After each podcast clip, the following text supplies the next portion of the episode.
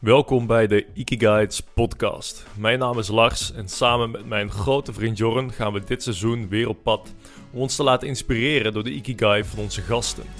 Mocht de term Ikigai nieuw voor je zijn, dit is een Japans concept dat staat voor datgene wat je drijft, motiveert en dat wat je passie is. Kortom, het is de reden dat je iedere ochtend weer met frisse zin opstaat. Vandaag zijn we te gast bij Gene Smeets. Hij heeft een bewegings- en revalidatiepraktijk waarin hij zijn cliënten weer aan een natuurlijk beweegpatroon helpt aan de hand van de bewegingsanalyse en functional patterns.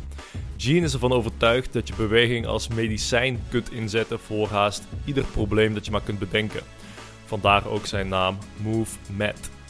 Uh, dit lijkt nu misschien nog wat ver van je bed, maar in de loop van het gesprek gaat Gene je haarfijn uitleggen hoe hij dit aanpakt. Er staat je een enorm interessant gesprek te wachten. Ik wens je heel veel plezier. Let's go! Nou, Gene, welkom uh, in onze podcast. We zitten hier in jouw uh, woonkamer, dus uh, bedankt, bedankt voor de uitnodiging. Maar je bent de gast in onze, in onze Guides podcast, van harte welkom. We zijn zojuist in jouw praktijk geweest en we hebben daar nou, een hele uh, seminar gekregen, als het ware, over uh, natuurlijk bewegen, functional patterns. Daar gaan we nog uitgebreid over praten. We hebben daar ook een bewegingsanalyse gekregen van uh, ons bewegingspatroon. We hebben op een sprintapparaat gestaan, waarbij jij onze, ons beweegpatroon hebt geanalyseerd. We hebben wat oefeningen gekregen om nou, de, de, de, de disbalansen te corrigeren. Dus dat was extreem interessant. Daar wil ik ook nog in de loop van het gesprek op terugkomen. Maar ik denk dat het goed is als we bij het begin beginnen. Um, het is eigenlijk nog niet zo lang geleden dat ik jou getipt kreeg, omdat ik zelf natuurlijk uh, nou, op zoek ben naar een natuurlijke beweegpatroon.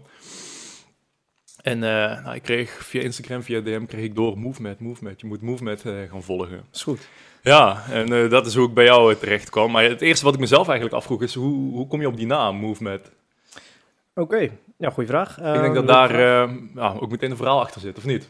Ja, zeker weten. Um, dat begon nog toen ik vooral nog niet de, de denkwijze had die ik vandaag de dag heb. Met betrekking tot biomechanica en zo. Dat begon echt vanuit een visie dat ik een fysiopraktijk wilde starten, wat ik uiteindelijk ook gehad heb. En uh, mijn vrouw heeft die trouwens verzonnen. Het was een uh, combinatie van uh, movement en medicine. Dus be bewegen is het medicijn, zeg maar. En daar probeer ik dan iets catchy van te maken. Er kwam Movement uit in een poging om eigenlijk aan te tonen van uh, in bewegen zit voornamelijk het medicijn of een groot deel van de hm. medicijnen die we eigenlijk horen te krijgen. Alleen wat ik zei, dat is, uh, ik werkte toen nog volgens een andere werkwijze, volgens een andere denkwijze. Het snijdt nog steeds hetzelfde hout, want ik, ik geloof het nog wel. Um, maar toevallig, nu dit zegt, binnenkort uh, zit er ook een rebranding aan te komen om het iets meer ehm, een, een naam te uit die wat beter past bij hoe ik er nu in sta. Maar dat is dus waar het vandaan was gekomen. Dus de naam Movement, uh, die is nog maar even? Die is denk ik nog maar even, ja, ja, ja. Dus uh, ja, ik, ik heb een fysiotherapiepraktijk dus gedraaid een aantal jaar. Met uh, onder andere mijn vrouw als werknemer erin en nog twee andere gasten. En ik ben er gewoon achter gekomen dat dat het niet is voor mij. Dus hm. ik dacht dat dat, ik, dat was wat ik wilde doen. zowel qua carrière als in hoe ik mensen wilde helpen. Dat bleek niet zo te zijn. Nou, daar zullen we misschien straks nog over hebben. En um, ja, dus dat, dat verandert. Dus dan moet je er eerst even achter komen dat dat het niet is, als het ware. Dan komt er een andere soort visie aan die wat net wat specifieker is. En dan verandert je gedachten over, over gezondheidszorg wat meer en over je eigen leven en dat soort dingen.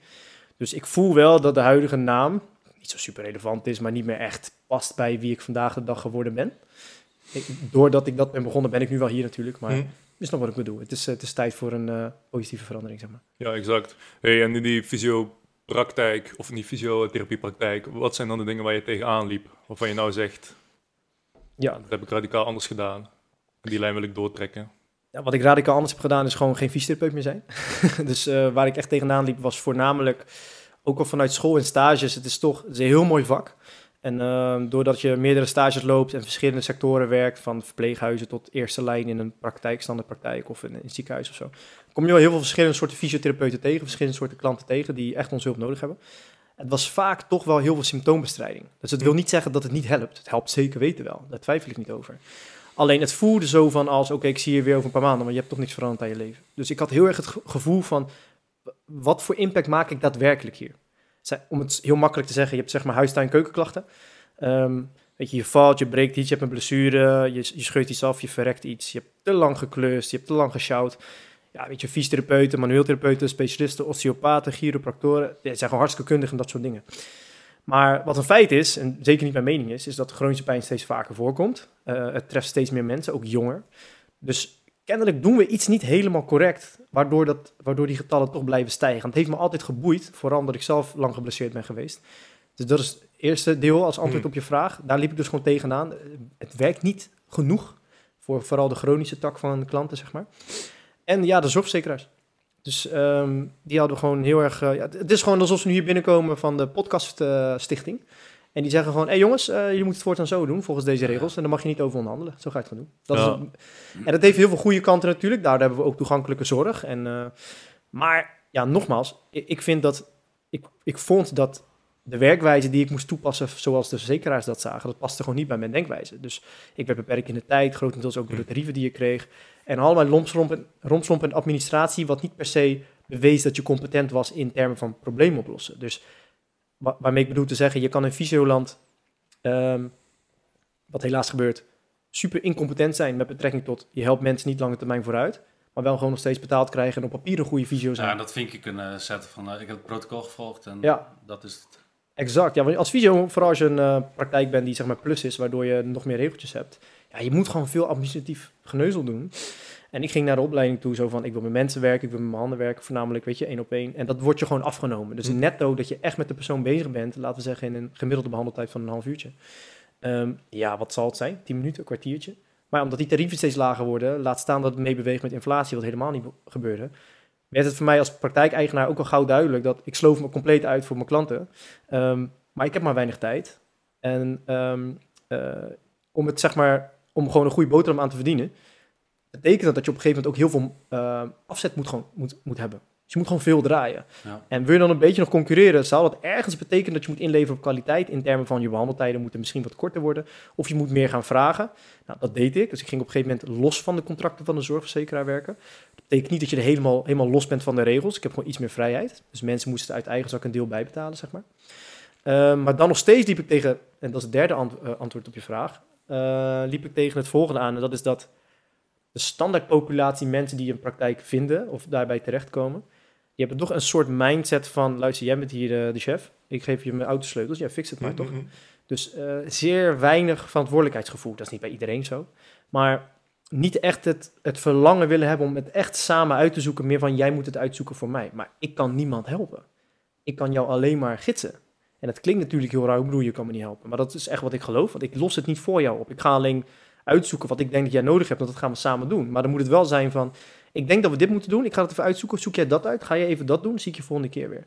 Maar vaak samenwerking. Dan, het is gewoon een samenwerking. Maar vaak sloofde ik me uit en dan de volgende week kom iemand tegen, is dit geluk? Ja, ik had geen tijd voor die oefening. Denk, oh, wat zit je met tijd te verspillen, man? Ik, weet je, ik zit ook hier niet bij mijn familie nu, niet bij mijn gezin. Daar liep ik heel erg tegenaan. Dus echt wel van, um, soms wilde ik, het te, wilde ik meer dat de klanten verbeteren dan zij zelf. Mm -hmm. Dat is niet goed. Je, je moet het niet meer willen dan die klant zelf. Dat je alleen te trekken. Maar ze moeten juist, denk ik, vanuit een, verlangen van zichzelf een kracht hebben die hun naar voren duwt. Bijvoorbeeld, ik ben bang dat ik dadelijk uh, niet gezond oud word. Of dit kan echt niet langer, ik wil gewoon met mijn kindjes gewoon kunnen spelen. Iets moet hun al voorwaarts duwen. En dan kan ik nog aan ze trekken. Als je snapt wat ik bedoel. Vraag je dat nu ook van tevoren bij klanten? Eh, om te kijken of je zo'n voort duwen kunt vinden voordat je begint te werken met um, ja en nee, dat hoeft bijna niet. Want de mensen die mij nu vinden, die zitten al ja, zo van... luister, ik heb dit en dat al geprobeerd. Ik weet het echt niet meer. Ik heb de hernia-operaties gehad. Uh, ben jij mijn redder? Weet ik niet. Laten we eens kijken hoe je beweegt. Nou, daar komen we straks op. Um, maar omdat ik dus mijn eigen traject heb... waarbij ik gewoon zeg van... oké, dit is het bedrag. Daarmee ga ik gewoon je klachten verlichten. Ja, dat bedrag doet een klein beetje pijn. Maar dan krijg je wel een stuk verantwoordelijkheid voor terug. En ja, ik ben er ook niet voor iedereen. Hè. Dus ik heb gewoon echt geleerd van... oké, ik ben het belangrijkst als ik niet op orde zit qua energie, als ik niet op orde zit qua klanten waar ik zelf blij van word, dan zij, mijn mooie vrouw daar, die nu een tweede kindje in de buik heeft, dan is zij ook de lul. En dan is mijn kleintje de lul, want dan kom ik thuis, ja, mijn dag was zo, deze mensen hebben me hoofdpijn gegeven. Dat gaat ten koste van mijn zoon, dat gaat ten koste van mijn vrouw. En dat is, dat is een slechte ruilhandel. Dus ik voelde me in het begin nog iets te veel de redder. Zo van, ja, ik weet het allemaal, luister, doe het gewoon, kom het doen het, kom het doen het. Maar als zij het uiteindelijk niet willen, ja. uh, dat is een slechte deal, zeg maar. Nu Um, ook naarmate ik natuurlijk ietsjes bekender ben geworden, wat, wat makkelijker gevonden wordt. En mijn resultaten daarmee ook. Weet men ook al een beetje hoe ik te werk ga. Dus dan is het ook van, ja, je moet aan de bakken. Dus ja, dat vraag ik, maar dat, dat gebeurt vanzelf wel. Want de- je, je verwacht een hele, of laat me het anders zeggen, de verwachtingen manage je anders. Omdat bij fysiotherapie heb je gewoon geleerd, dat wordt vergoed, ik hoef daar niks voor te doen. Mm. Dus logisch dat ze ook met een bepaalde mindset erin gaan, zo van hier heb je mijn sleutels. Bij mij is het van, ik denk dat we dit moeten doen, ben je bereid dit te laten? Dat is een van de eerste vragen. Of ehm, ik kijk er zo tegenaan, ik, ik denk dat we dit moeten gaan doen. En als er heel veel weerstand in zit, of je merkt dat de mensen een bepaalde achtergrond hebben of bepaalde overtuigingen hebben die echt niet, die echt haak staan op wat ik denk, dus ik ben het niet mee eens, dan begin ik ook niet, want dan weet ik gewoon van, oké, dat geeft dus een kleine kans, omdat ik hun dus, ja, Feyenoord Ajax, moslim christen, weet je, dan ben ik ook niet de persoon voor hen. Dan moet ik ze ook gewoon afwijzen. Dus het moet wel een match zijn, want de kans is groot dat ik mensen, nou, wat jullie ook een beetje posten, dat ik dingen moet vertellen die ze misschien nog nooit eerder hebben gehoord. Of ze vinden het hippie butterfly shit, of eh, ze, ze hebben zoiets van, nou, mijn dokter zegt dat het bullshit is. Ja, als dat die overtuigingen zijn, kan het best een probleem worden onderweg in zo'n traject. Dus men moet wel bereid zijn om te laten wat ze doen. En eh, bereid zijn om gewoon, hoe kinderachtig het ook klinkt, gewoon te luisteren naar mij. Niet omdat ik altijd gelijk denk te hebben, maar als je doet wat ik zeg, dan kan ik sturen. Toch wat ik vanmiddag tegen jullie zei. Dan, oké, doe dit.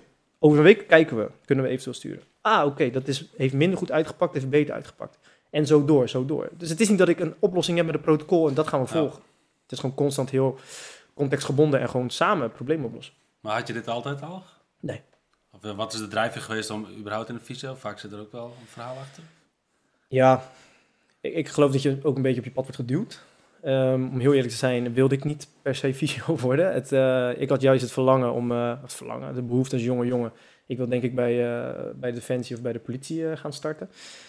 Toen was ik een open dag geweest bij Korps Mariniers met een maat van mij toen de tijd. Die is daar die opleiding wel gaan doen.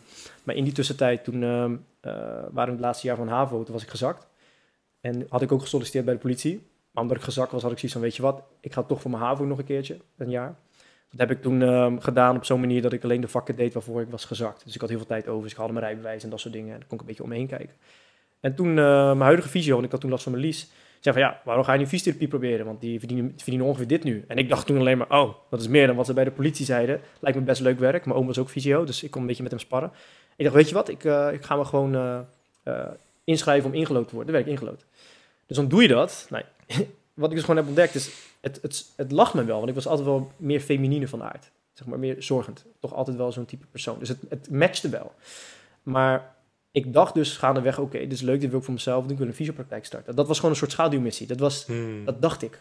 Denk ik, omdat ik gewoon ben opgeleid als fysio, dan ga je ook in die, in die trant zeg maar denken. Ja. Totdat ik het uiteindelijk had. en toen dacht ik van, oké, dit is het dus niet. Ehm, dat is altijd op je vraag. Ja, om de redenen die je net zojuist hebt uitgelegd, die eh, drie redenen. Hoe, hoe is die overschakeling gegaan van eh, je fysiotherapiepraktijk naar, naar wat je momenteel doet? Sorry man. Ehm, hoe is die overschakeling gegaan? Nou, allereerst, ik was zelf geblesseerd en mijn nichtje was ziek. Dus bijna in elke podcast vertel ik dat altijd, want dat is altijd het start geweest. Ik kwam niet van mijn lies en rugpijn af met rennen. Met sprinten vooral tijdens voetballen en schieten. En mijn nichtje was vier, kreeg ze bloedkanker. Dus ik zat tegenover die arts. Vertel me dit, hoe kan dit? Ja, we weten het niet. Dat was gewoon hoe het ging. Dus ik zat zo met een onrecht gevoel van, ja, flikker op, dat, geloof ik niet. Ehm, heel ziekenhuis gemaakt voor kindjes alleen met kanker. Dus ik kan me niet voorstellen dat we zoveel tientallen jaren hebben gedoneerd, allemaal dingen en onderzoek hebben gedaan en we weten het echt niet.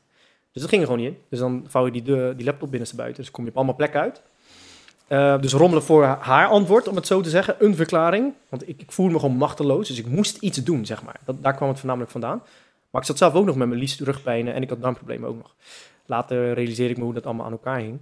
Ehm, tijdens mijn eigen reis voor mijn klachten kwam ik op een gegeven moment bij Functional Patterns uit op Facebook. Via Alex Perenkwan, dat is de gast die had eh, een, een behandelaar in Rotterdam. Die doet ondertussen ook nog een beetje Functional Patterns volgens mij, maar voornamelijk een ander deel eh, vult zijn diensten anders in. Maar hij bracht Functional Patterns naar Nederland. Dat zag ik op Facebook. Zag ik dat ze dus een eh, cursus gaven, ben ik die gaan doen. In de tussentijd was ik, doordat ik op allerlei plekken was gaan rondstruinen op het internet, bij Jack Cruz uitgekomen, hè, die veel over licht en zo vertelde, waar je ook veel van weet. En toen bij die derde dag van die Functional Patterns cursus was Thomas van Doorn daar. Die vertelde dezelfde materie als Jack, die arts. En toen wist ik van, oké, hier moet ik wat mee. Mee aan de bak gegaan, darmklachten voorbij. En toen dacht ik van, oké, what the fuck, weet je wel. Dit is wel bizar, want in het ziekenhuis zei ze tegen mij van, ja, je bent gewoon gezond. We hebben je bloedtesten getest, je alvleesklier getest. Eh je hebt je gewoon wat vezels. Maar ik zat letterlijk gewoon jankend drie uur op het toilet. Eh, mijn vrouw die heeft me gewoon een paar keer moeten redden. Ik kon er niet van lopen, obstipatie tien dagen lang. Ehm, dus, dus toen dat voorbij was, kan je je voorstellen van, oké, wat is er dan nog meer? Functional Patterns Rabbit Hole dieper ingedoken. Dus de vooropleiding gedaan, daarmee aan de slag gegaan. Toen kon ik weer Misschien sprinten. voor de luisteraar goed om even kort te benoemen wat functional patterns Ja. zijn. Functional Patterns is een trainingsmethodiek. Je zou kunnen zeggen een trainingsconcept eh, vanuit Amerika. Dat wil eigenlijk zeggen dat het onder de loep neemt hoe goed jouw beweegpatronen zijn. Dus wij kijken naar hoe goed je kan staan, lopen en gooien. En als we naar de beste bewegers van de aarde kijken, zien we een, een specifieke volgorde van bewegen terugkomen. Ongeacht hoe je eruit ziet, ongeacht waar je vandaan komt. Een gezond mens heeft een bepaalde volgorde qua bewegen. Dus eh, die en die en die spieren werken samen en die en die en die botstukken werken samen. Nou, als je dat ontleedt, kan je dat vergelijken met jezelf. En Functional Patterns heeft daar oefeningen voor uitgevonden Hm. om te zorgen dat je, naast de oefening ook andere tools, maar dat je je, je houding en je beweegpatronen kunt verbeteren en daarmee klachten kan bestrijden. Ja. Dus, eh, Bewegingsblauwdruk die aansluit op onze natuurlijke behoeften. Exact, Net zoals we ook een bepaalde voedingsblauwdruk hebben. Of... juist. Epigenetische blauwdruk. Exact. En eh Nadi, Nadi eh, Aguilar, dat is de eigenaar van Functional Patterns, die hing heel erg aan Jack. Dus voor mij was het ook weer van, oké, ik, ik ben op het juiste, juiste pad terechtgekomen. Want het was, ze hielden daar heel erg rekening mee met luisteren. Al die oefeningen zijn wel interessant en leuk. Als je niet buiten bent, als je niet goed genoeg gehydrateerd bent en al die andere facetten, dan sta je dus al 5-0 achter. Dus dan had ik zoiets van, kijk, ik heb niet voor niks al deze mensen nu ontmoet. Hier zit ik goed. Ik kon vervolgens dus pijnvrij sprinten en ik was van mijn darmklachten af. En dan zit je in je fysiopraktijkje. En dan denk ik van, ja, ik kan nu niet meer terug, zeg maar, weet je wel. Dus ehm, dat was het meer. Once you see it, you can't unsee it. Dus antwoord op jouw vraag is, waar kwam die overschakeling? Toen ik mezelf genas. En op dat moment had ik zoiets van, oké, ik moet nu echt ergens een andere lijn gaan trekken. Dus eerst begon dat parallel aan mijn fysiopraktijk. Dat ik mijn eigen personal training trajecten een beetje aan het eh, testen was. Toen eh, met Tibor toen meegewerkt als business coach. Al een beetje een start gemaakt, dat door gaan ontwikkelen. Twee, drie jaar lang getest. En toen heb ik met eh, mijn huidige coach Mark Zoons uiteindelijk besloten van luister, die fysiotherapiepraktijk gaat stoppen per 2023, dus dit jaar. Is ook mijn licentie ingetrokken. En ehm, nu doe ik dus 100% gewoon alleen FP. En die, en die darmen dan, is dat alleen...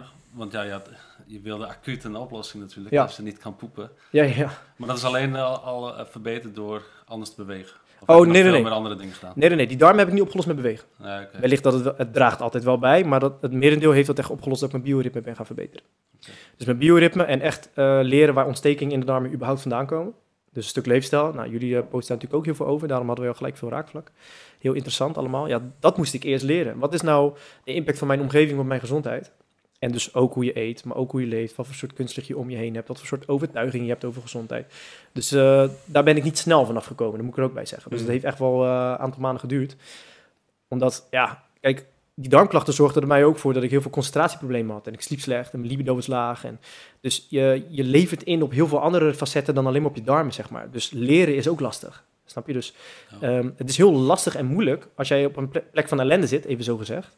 Om dan een hele nieuwe strategie meteen te omarmen. Ja, je zou denken, als je zoveel last hebt, doe je dat toch? We hadden het vanmiddag over als je serotonerg bent, als je heel erg op één plek zit, dat dat toch wel vertrouwd voelt. Desondanks dat jij weet dat je je niet vooruit brengt. Op, je, op de bank onder je dekentje met je homp ellende blijven zitten, voelt toch wel flex. En dat nieuwe geprobeerd is misschien ietsjes te eng voor nu. Daar zat ik een beetje in. Dus het heeft tijd gekost, heeft coaching gekost, eh, klap op mijn kaak gekost, zeg maar, figuurlijk gezien. Zo van, hé, hey, luister nou, eh, je fixt het niet, je relatie gaat naar de kloten, je business gaat naar de kloten, je, je slaapt slecht, je relaties zijn daarvan een, een, een uiting, je bankrekening is daarvan een uiting, je gezondheid is daarvan een uiting, je hebt wat op te lossen. Eh, wij eh, hadden daardoor niet een hele vlekkeloze relatie. En ik moest erachter komen dat het voornamelijk door mij kwam. Ja, toen was het gewoon, oké, eh, yo, help. Wat moet ik doen? Help, wat moet ik doen? Dit doen, oké. Dan gaat het in een stroomversnelling, dan doe je andere boodschappen, dan ga je je dagen en je agenda's anders indelen. En dan langzaam maar zeker, omdat je omgeving aanpast, daar ligt de sleutel, verandert je lijf.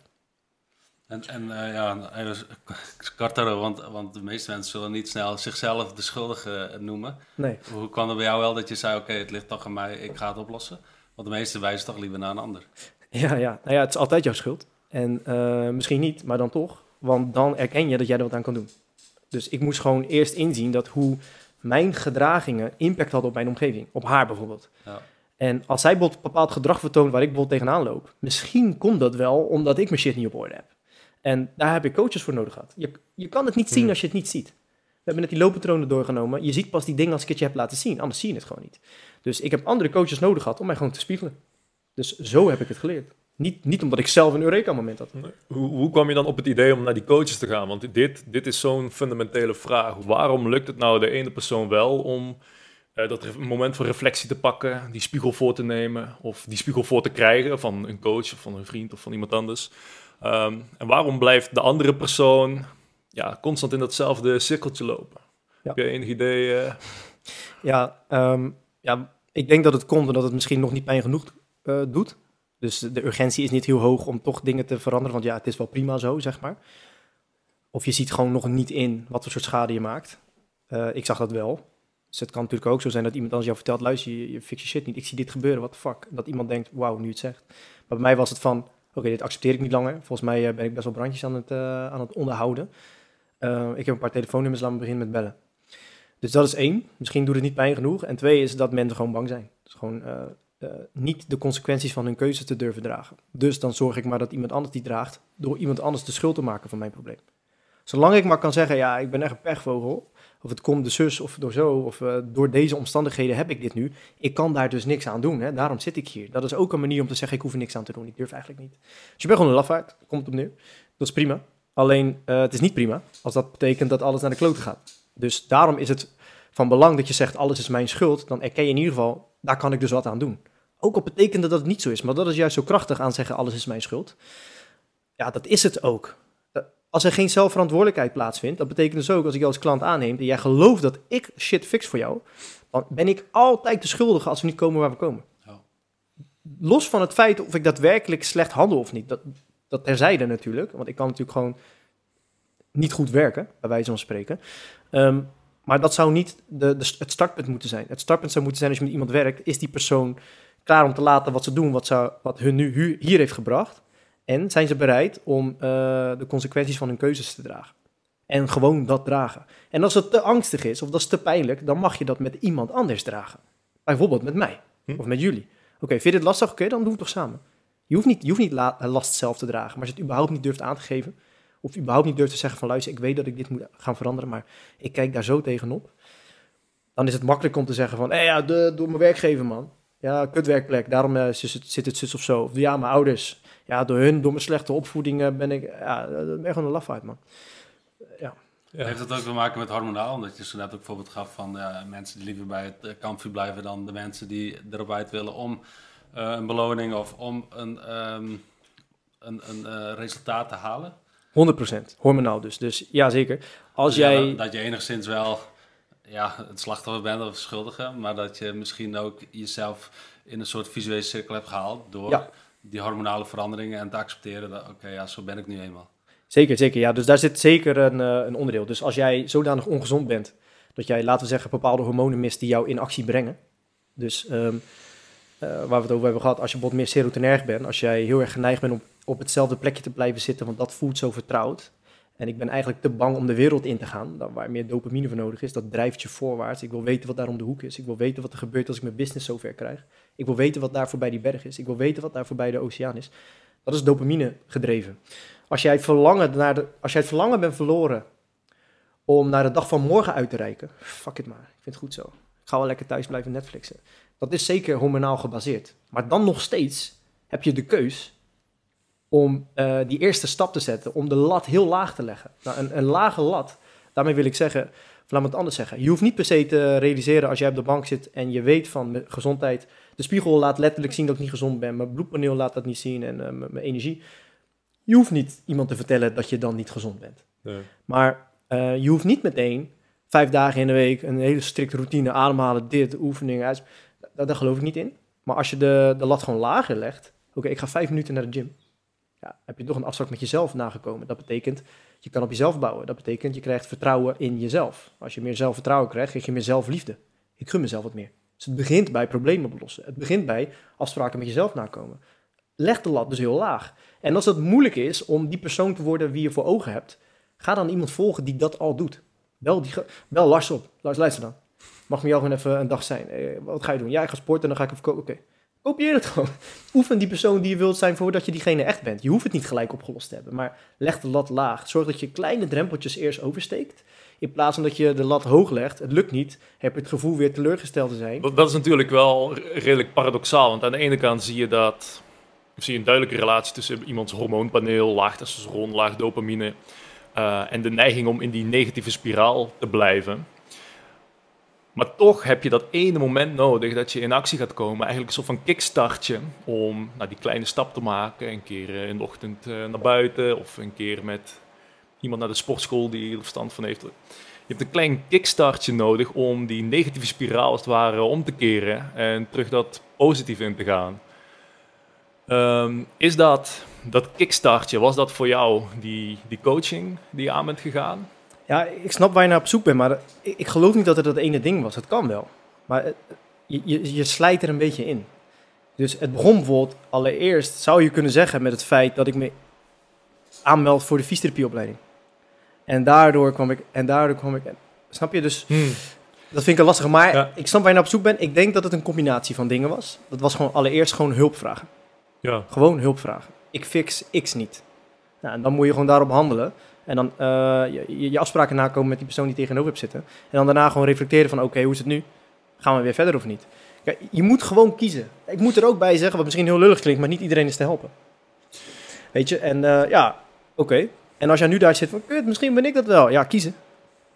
Ga, ga, maar, ga maar besluiten dan voor jezelf. eh. Maar als je dat beseft, dan heb je al een bepaalde mate van zelfreflectie. Ik denk dat dat, Juist. dat is altijd de opening. En dan, Ja. daarna kom je nog bij de vraag, hebben we ons eigen levenspad wel in eigen handen? Ja. Dat is eigenlijk de fundamentele vraag waar je dan bij uitkomt. Ja. Dat is natuurlijk een hele interessante, want nou, wat jij ook omschrijft, het lijkt er haast wel op alsof jij nou, bepaal- alsof je bepaalde tekenen krijgt van het leven. Bepaalde hints van, oh, je, nou, het pad waar je nu op zit, dat is niet jouw pad. Nee, maar ik Eh, moet wel zeggen, om je daar te onderbreken, dat was niet waarom ik handelde. Nee. Nu, nu we het erover hebben, kijk ik als een soort helikopterview naar mijn situatie en denk ik van, dit was wel heel toevallig dat het zo ging. Tuurlijk helpt het als je het idee hebt van, hé, hey, dit is toeval, waarschijnlijk zit ik goed, ik moet doorgaan. Maar eh, ik zou zeggen, maak zo snel mogelijk fouten. Hm. Hoe sneller je dat doet, zij het dan met je persoonlijke ontwikkeling, dan met je business, dan whatever, des te eerder je leert. En als dat, dat, dat hangt weer aan, durf gewoon de consequenties van je keuzes te dragen. Heel veel mensen hebben dat gewoon niet geleerd of hebben te weinig zelfliefde of zijn te bang voor afwijzing. En dat is allemaal prima, daar hebben we allemaal een beetje last van. Ehm, maar maak zo snel mogelijk die fouten. En dan sta je daar. Hey, eh, Gene, hey Lars. Ja, wat je nu allemaal hebt gedaan, blijkt niet te helpen, hè? Nee, nee, nee, klopt. Ja. En wat dan? Gewoon staan. En dan is het wel makkelijk, zo'n libello-begrip, ja, gewoon staan. Ja, dat hangt aan hormonen. Ja, dat hangt een beetje aan je karakter. Maar daar komt het in essentie op neer. En gewoon doorgaan dan. Gewoon niet stoppen. En blijf gewoon constant hulp vragen. Je hoeft het niet zelf op te lossen. Het is niet minder goed als jij door iemand anders iets opgelost hebt. Boeien. Er staat te veel op het spel, man. En eh, vooral als je een gezin hebt, weet je. En, Hm. ehm, en aan de andere kant, besef ook niet wat voor soort impact jij maakt op de wereld als je dit namelijk wel oplost. Want op het moment als jij. ehm, het, het is de bedoeling, we hebben het gehad over ontmoeten en ervaren. En dat je eerst moet nemen en dan kan- goed kan geven. Dat je dan pas echt kan dienen als je eerst neemt. Ehm, je zou kunnen zeggen dat er heel veel mensen bloedend op straat zitten te wachten op jou. Alleen dat lost nu niet op, omdat jij niet durft. Of anders gezegd, wat ik wel een leuk gedachte-experimentje vind. Denk terug aan je voorouders, zover als jij kan rijken. Misschien dat je een stamboomgeschiedenis hebt, of misschien kan je het een beetje inschatten. Wij komen uit Indonesië bijvoorbeeld vandaan, ik kan het best inschatten. Ik weet waar we met oorlog hebben gezeten en zo. Ehm, hebben dan mijn grootouders, overgrootouders, allemaal ellende doorstaan. Allemaal capriolen uitgehaald om te zorgen dat hun kinderen toen de tijd over, eh, overleefden. Uit treinen gesprongen tot en met kampen overleefd, tot misschien Auschwitz overleefd, tot de jungle overleefd en de boot gepakt hier naartoe. Zodat ze nu daarboven zitten en naar mij kijken, die niet durft. Terwijl zij voor grotere... Ik, zou me doodschamen. Ik zou me echt doodschamen. Dat is echt letterlijk hoe ik tegenaan kijk. Dus als ik nu naar mijn zoontje kijk... Ik denk dat heel veel vaders dat misschien wel zouden hebben als je bijvoorbeeld traint of je bent ergens mee bezig. Dat je eventjes denkt van, wat als dit gefilmd zou worden en mijn zoon is dadelijk 20 en die kijkt mee. Hoe zou, wat zou hij denken? Tuurlijk maakt papa fouten. Tuurlijk ben ik altijd ergens lekking in. Maar eh, het zijn bepaalde dingen wat niet door de beugel kan. Ik, bepaalde gedragingen kunnen gewoon niet. Want wat als mijn zoon zou weten, ik zou me doodschamen. Of wat als mijn grootouders zouden zeggen van, heb ik dat gedaan? Heb ik al die, die teringzooi gedaan? Heb ik deze offeringen moeten brengen? Zodat jij nu hier zit en je druk maakt over wat de buurman van je vindt. Is dat het? Is dit nu het bewijs van onze bloedlijn, zeg maar? Misschien een beetje ver gezocht. Voor mij is dat een, dus een reële soort angst. Die duwt mij naar voren. En de doelen die ik voor mezelf leg, die trekken me naar voren. Waar we het net over hebben gehad. Dus jouw vaderschap heeft heel echt veranderd in dat. Zeker 100%. Heeft echt de urgentie ge- verhoogd. En eh, toevallig, ik had gisteren Bart aan de lijn, een goede vriend van mij, die werkt bij, bij Tibor nu.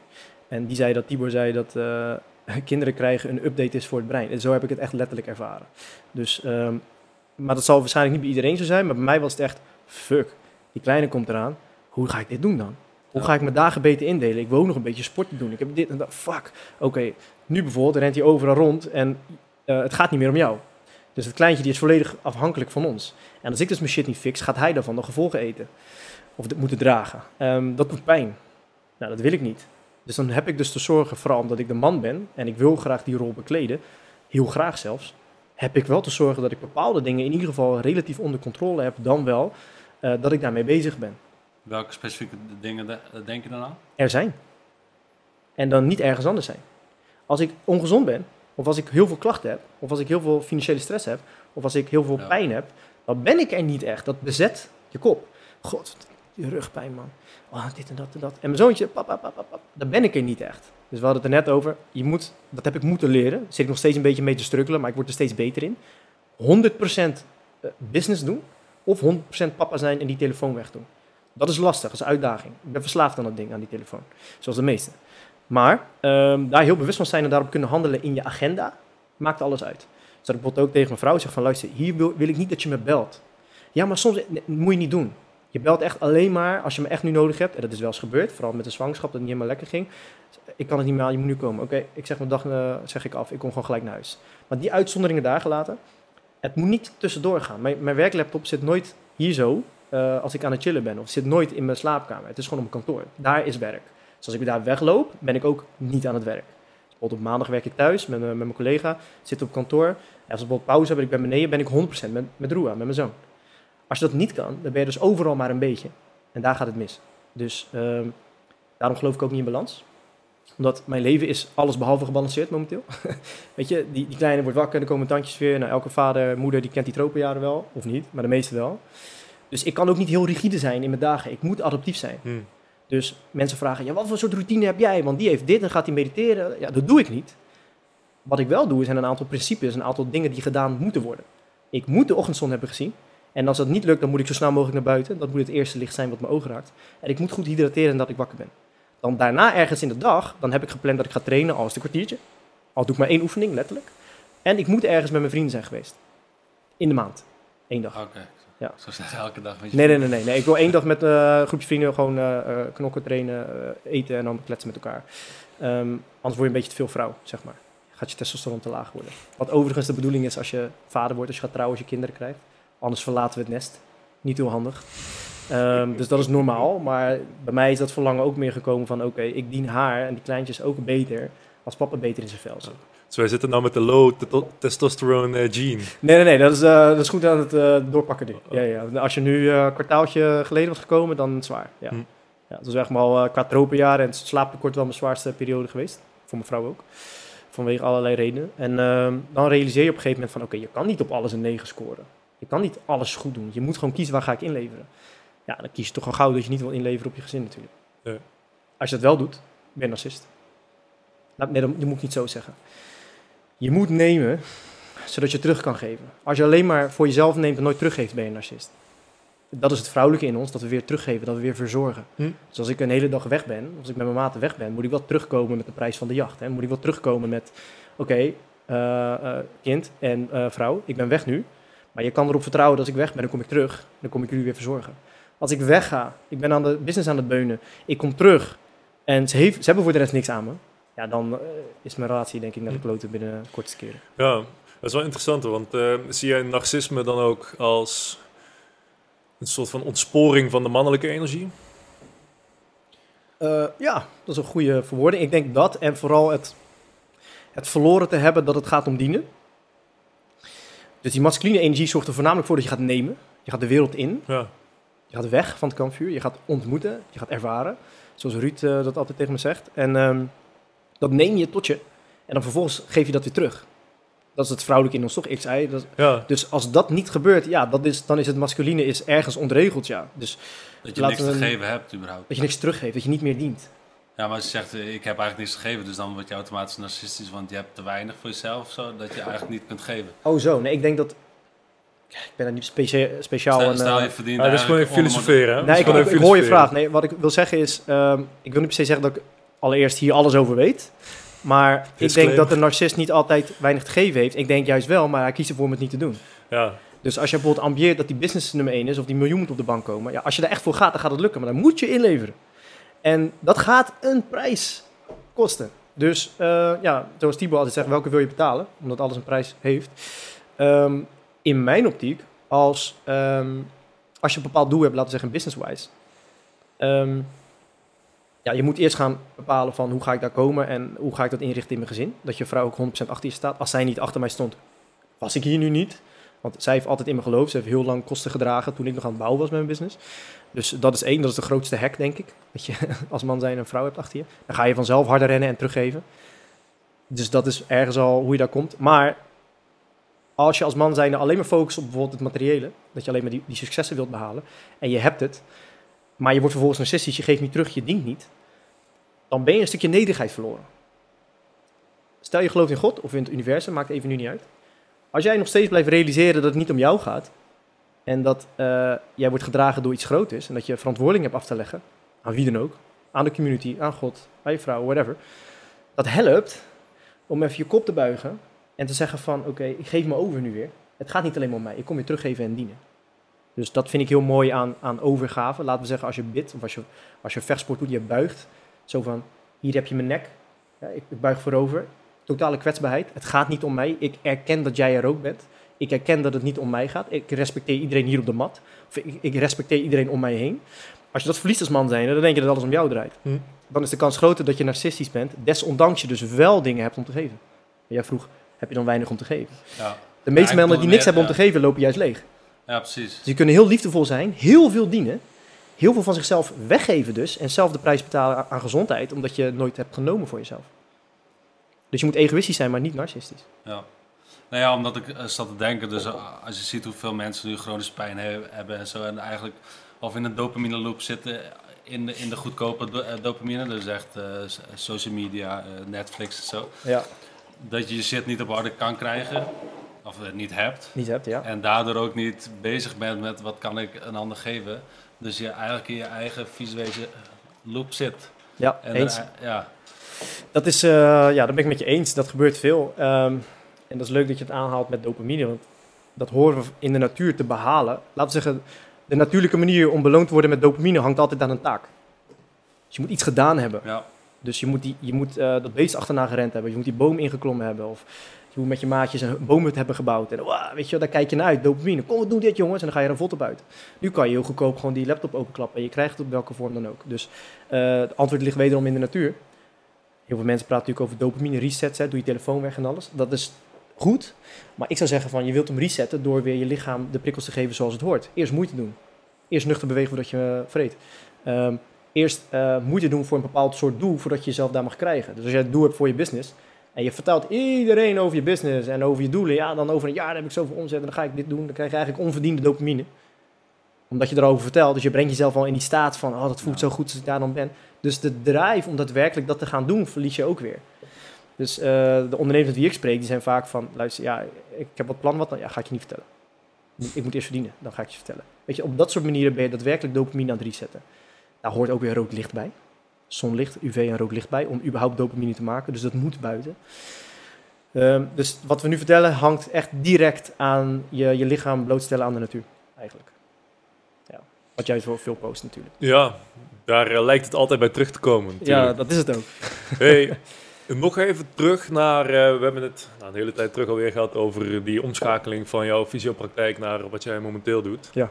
Eh, nou, we hebben net een kijkje mogen nemen in jouw werkwijze, tekst en uitleg gekregen, een, eh, een bewegingsanalyse gedaan. Ja, vertel eens hoe, hoe je dat globaal aanpakt. Laten we zeggen dat iemand bij jou de praktijk binnenloopt.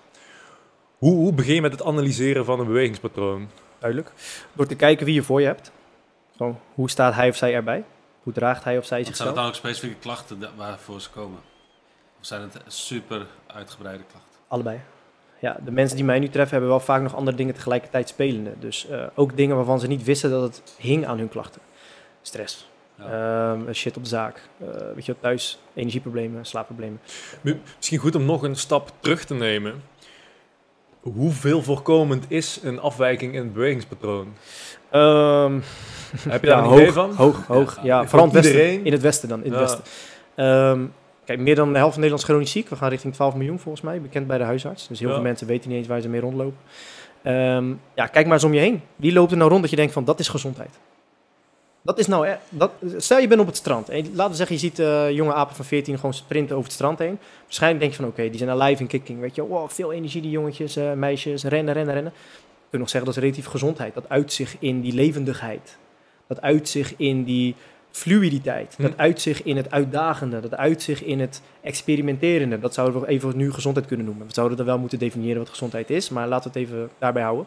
Versus, je ziet iemand rondstrompelen die nou, door zijn heupen heen zakt. Heel de tijd aan één kant hangt. eh, niet uit een bepaalde houding komt. Niet echt zijn passen lang maakt. Is dat dan gezondheid? Nou, dat is een mooie graadmeter voor. Zet maar een, eh, een groep wolven aan de achterkant van een groep mensen. En dan kijken we wel wie gezond is of niet. Gek voorbeeld. Maar eh, waarmee ik bedoel te zeggen. Wij zijn het bewijs hier dat onze grootouders, voorouders niet de langzaamste waren, niet de zwakste waren. Hm. Anders ben je een lekker hapje. Zo meedogenloos is moeder natuur. Dus competentie wordt altijd beloond in de natuur. En dat betekent dat wij als jager-verzamelaars, wat we nog steeds zijn, alleen de moderne omgeving is niet meer hetzelfde als toen. Maar dat betekent niet dat onze systemen niet meer draaien op toen. Hm. Dat doen ze nog steeds, anders hadden we die systemen nu niet. Waarmee ik wil zeggen, wij moesten onder andere vechten of vluchten, fight of flight. Daar komt stress vandaan, toch? Dus dat beest of die partij eh, soldaten of eh, weet ik veel, vikings willen je vrouw meenemen, whatever. Je moet nu vechten of nu vluchten. Ja, of bevriezen. Maar dan ben je lekker hapje. Dus vechten of vluchten. Wat is vechten dan? Gooien. Gooien van je vuist, je been, een steen, een speer. Flight, vluchten, betekent sprinten. Zo hard als je kan. Want als ik maar, als ik denk van, oh, ik ga nu rennen, maar niet alles wat ik heb, dan ben ik misschien het lekkere hapje. Dus, daadwerkelijk goed sprinten, daadwerkelijk goed kunnen gooien, vechten, dat is mens zijn in de basis. Zo overleef je. Alleen onze omgeving is zodanig veilig geworden, Exact. we hebben die functies niet meer nodig. Dat betekent niet dat het niet meer relevant is. Het feit dat we een supermarkt hebben, wil niet zeggen dat we alles moeten vreten wat daar zit. Eh, eh, dus wordt ook niet meer, we worden ook niet meer geconfronteerd Nee. met het feit dat we verstoringen hebben in ons bewegingspatronen. En dat- Ja. dat is exact de reden waarom ik dat stapje terug wilde nemen. Juist, juist. Maar eh, daar fiets jij mooi naartoe. Ja, ja. ja het, ehm, voor mij zag ik het bij Joe Rogan volgens mij of zo. Iemand gaf een voorbeeld van, als je nu kijkt hoe moderne hondjes helemaal afgefokt zijn.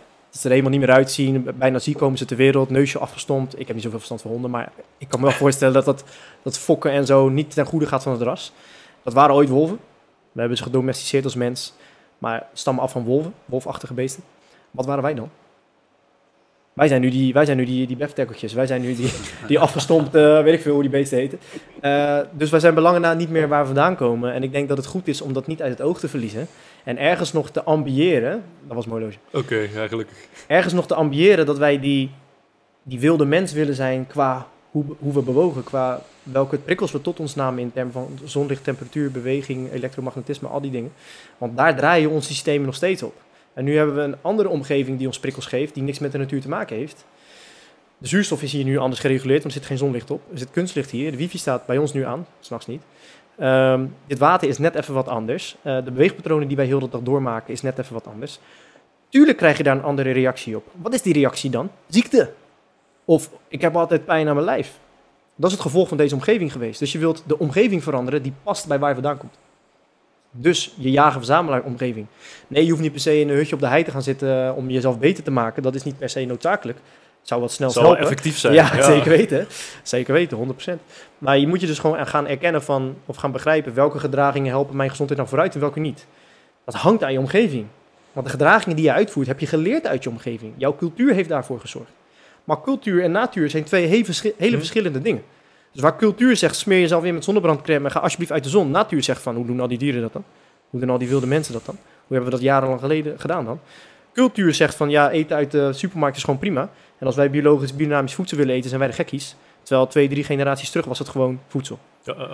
Snap je? Dus wat is cultuur, wat is natuur? Wat dient jou, wat niet? En oefen dat. Ga dat vaker doen. Ver- Sorry, verander je omgeving. Is de makkelijkste cliché one-liner die wel alomvattend is. Wat is natuurlijk een reden waarom het een one-liner is en een cliché. Ja. Die zijn vaak eh, pijnlijk waar. Ja, ja. Hey, goed, we worden dus niet meer acuut geconfronteerd met eh, ja, ja, acute stress, waardoor we nou, dus ook niet meer geconfronteerd worden met bepaalde disbalansen of problemen in ons bewegingspatroon.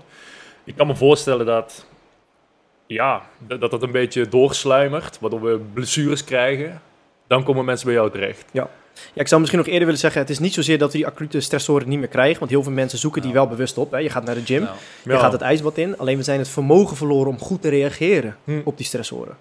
En daar heb je onder andere voor nodig een goed gebalanceerd lichaam. Nou, wat is dan een goed gebalanceerd lichaam? Laten we kijken naar mensen die het wel hebben. Wie zijn dat dan? In onze visie zijn dat de merendeel topatleten. Als we die op een rijtje zetten, nou ik heb er nu vandaag een aantal laten zien, die hebben allemaal bepaalde volgordes van bewegen. Kennelijk bewegen mensen zo. Kijk, stel we willen uitzoeken hoe mensen horen te bewegen, of we willen weten hoe het organisme mens werkt. Eh, stel, ik, ik, ik trek nu een vogel uit de lucht, een meeuw. Oké, we willen uit gaan zoeken hoe die meeuw functioneert. Nou, we leggen hem hier op tafel, ik heb zijn nek gebroken, snij hem even open. Dat hebben we bij mensen ook gedaan, we zijn gewoon mensen open gaan snijden.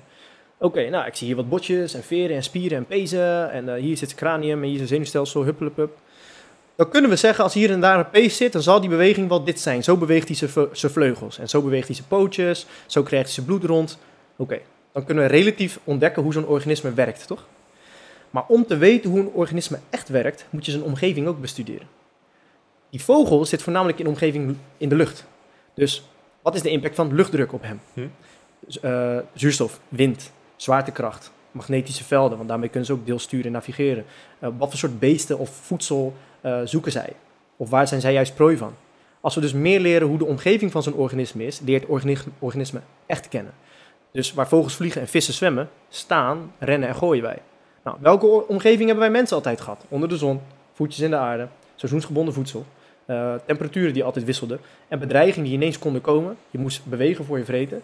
Ehm, dus dat wil ik zeggen met, als je, daar, als je dat bestudeert, een stukje epigenetica, dan leer je dus steeds beter kennen hoe ons lijf, dit organisme, het gevolg is geweest van een bepaalde omgeving. Dan nog specifieker, ik ga dan kijken hoe beweeg jij waar het dus niet goed gaat. Nou, dat kan dus door je omgeving komen. Bijvoorbeeld je zakt door je heup heen, door blessure of eh, nou, andere dingen kunnen misschien straks op ingaan. Ik wil gewoon gaan kijken naar hoe jouw beweegpatronen zijn.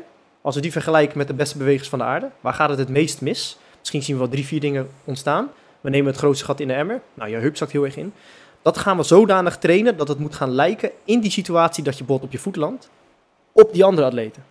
Dus gewoon heel pragmatisch dat trainen totdat het zich verbetert. Dat zal leiden tot betere drukverdeling, je spieren werken beter samen, ehm, je gewrichten worden er blij van, je krijgt meer doorbloeding, minder overbelasting. Dus je voelt je beter, dus je denkt beter, dus je hebt meer energie over, dus je, je leven wordt beter.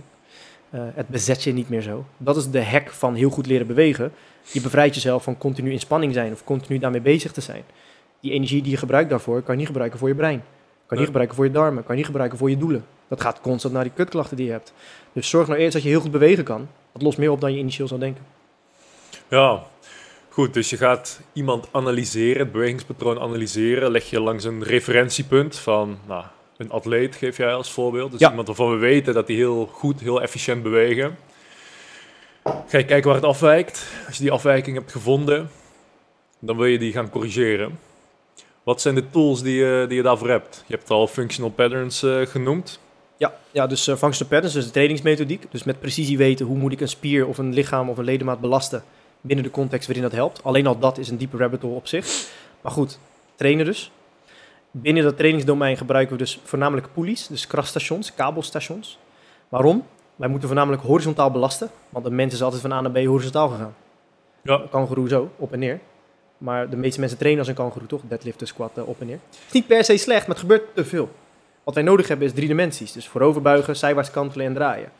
Dat kunnen we het beste doen als we horizontaal trainen. Vandaar die pulleys. Die gaan altijd vaak van A naar B bij ons. Zo is ons lichaam ontwikkeld.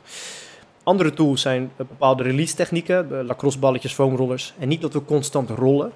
Maar dat we ze op één plek blijven houden waar verklevingen zijn. Heel lang blijven zitten. Dan staat Le- het- leg dat eens uit, verklevingen. nou, stel, er is een, eh, je hebt een bepaalde compensatie. Nou, wat we bij jullie hebben gezien, eh, je zakt iets door de heup. Dan kunnen we dus letterlijk op beeld zien dat een deel van jullie weefsel ergens constant in de verkorting zit. Die verkorting, daar kan je goed in worden. Alsof je een knoopje bouwt in een soort elastiekje, zeg maar. Dat betekent dat daar dus het weefsel nooit meer echt verlengd wordt. Dus het blijft in de verkorting. Dan heb je het specifiek over eh, spieren, Spieren en bindweefsel. bindweefsel. Ja, vooral spieren en bindweefsel, fascia. Als dat gebeurt, is het alsof je een tu- tuinslang heel de tijd inknijpt. Dus de bloeding wordt verminderd daar. Dus de functie wordt ook minder. En dat kan letterlijk stram hard aanvoelen. Als een verkleving, als een triggerpoint. Ehm, die triggerpoints die willen we zeg maar eerst soort losser krijgen, hydrateren. Door met met mechanische druk daarop te duwen, letterlijk. Met een balletje, met mijn elleboog, met een foamroller, met een PVC-pijp, met een softbal. Niet rollen. Mensen denken dat als je altijd rolt, dat je dingen verandert. Maar dat zou indiceren dat jij van modelleerklei eh, gemaakt bent, dat ik het even zo mag veranderen. Daar zijn scalpels voor, want wij zijn niet zo makkelijk aan te passen. Maar als je lang die mechanische druk toepast, vindt het piezo-electric effect plaats. Dat wil zeggen, je gaat eigenlijk water eruit douwen, wordt weer aangetrokken als een soort spons die je inknijpt. En daardoor verandert de gelatenheid een beetje. Je trekt gewoon vocht naar de regio toe. Dan is het tijdelijk even bewerkbaar. Dan ram ik er mijn oefeningen op. Dat is een tool. Andere tool is natuurlijk leefstijl. Ja. Jouw bioritme moet... eh, Het begint eigenlijk bij bioritme, niet met trainen. Het begint bij bioritme. Want je lichaam veranderen vereist energie. Nou, daar heb je dus een goed bioritme voor nodig.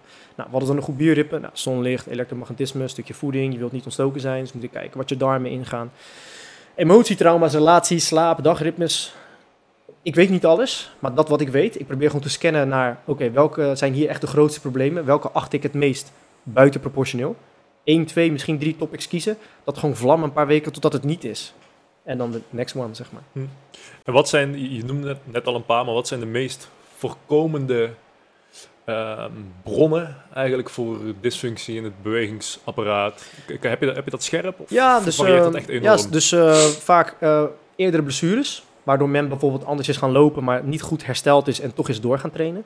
Stel, je, hebt, je had een stukje glas in je voet. Ja. Nou, stel je voor, je hebt een stukje glas in je voet en je loopt op het strand. kan ik niet zeggen, hey, loop is normaal. Toch, door de pijn ga je een beetje compenseren. Ga je een beetje spierspanning verhogen, want je lichaam kan toch nog functie vervullen als die spierspanning hoog is. Kan je toch nog van de ene naar de andere loopgraaf gaan. Stel, je hebt een blessure gehad en je laat het niet echt goed uitzoeken. Of je hebt zoiets van, ja, ik ga toch doortrainen. Dan word je goed in het onderhouden van dat compensatiepatroon. Dat leidt weer tot iets anders. Dus dat steentje in je schoen, dat glas in je voet, leidt uiteindelijk ervoor dat je zodanig scheef bent gaan lopen dat je bekken een kant op zijn gaan schuiven. Je gooit er een barbel op je bent toch door gaan trainen met pijn. Nou, dat is een manier hoe het kan ontstaan. Je kan het van je papa en mama mee hebben gekregen, dat je gewoon Mhm. letterlijk gewoon niet goed in je lijf zit. In die zin, je bent niet goed gebouwd. Wat is dan niet goed? Kijk, we hebben het lichaam niet van een eh, topatleet uit Senegal of zo. Ehm, dus je kan iets van scheefstand al hebben bij de geboorte. Maar vaak zie je dat het ontstaat door iets van emotionele strijd. En kopiëren dan. Dus eh, als je vader beperkt ziet bewegen, dat jij dat overneemt? Of? Nou, je kan letterlijk gewoon bijvoorbeeld de scheefstand meekrijgen. Je, je bent natuurlijk je bent een optelsom van je ouders. Maar het kan ook zo zijn dat jij de gedragingen van je ouders bent over gaan nemen. Die leiden tot problemen. Dus heb jij Ja. daadwerkelijk... Zitten rugklachten in jouw familie? Of zitten de gedragingen en overtuigingen waardoor je rugklachten krijgt in de familie? Bijvoorbeeld, je zit alleen maar op je gat. Je zit alleen maar eh, shit voedsel te vreten. Je, je doet eh, geen sport of je doet hele rare dingen. Je neemt ook de manier over hoe men gedraagt, hoe men omgaat Ja. eh, met zichzelf, hoe men praat, hoe men dealt met problemen. Dat neem je ook over. Dat kan ook leiden tot problemen. Als jij niet hebt geleerd hoe je over je emoties moet praten, of in ieder geval hoe je dat verwerken moet, dus je kropt het op, kan dat spanning genereren in het lichaam? Natuurlijk. Dus weet je, dat, het is eindeloos de vraag die je nu stelt als antwoord. Het kan zo van zoveel plekken komen. Laten we gewoon zeggen dat het lichaam vaak compenseert. Dus op een manier beweegt dat het niet echt dienend is. Het is altijd strak. Of het leunt te veel aan één kant. Of het draait te veel naar één kant. Of iets is juist te los, spierspanning, zeg maar. Ehm, wat het kip of wat het ei ook is, gewoon het, lichaam verbeteren tot het beter is. In ieder geval beter dan waar je start. Exact.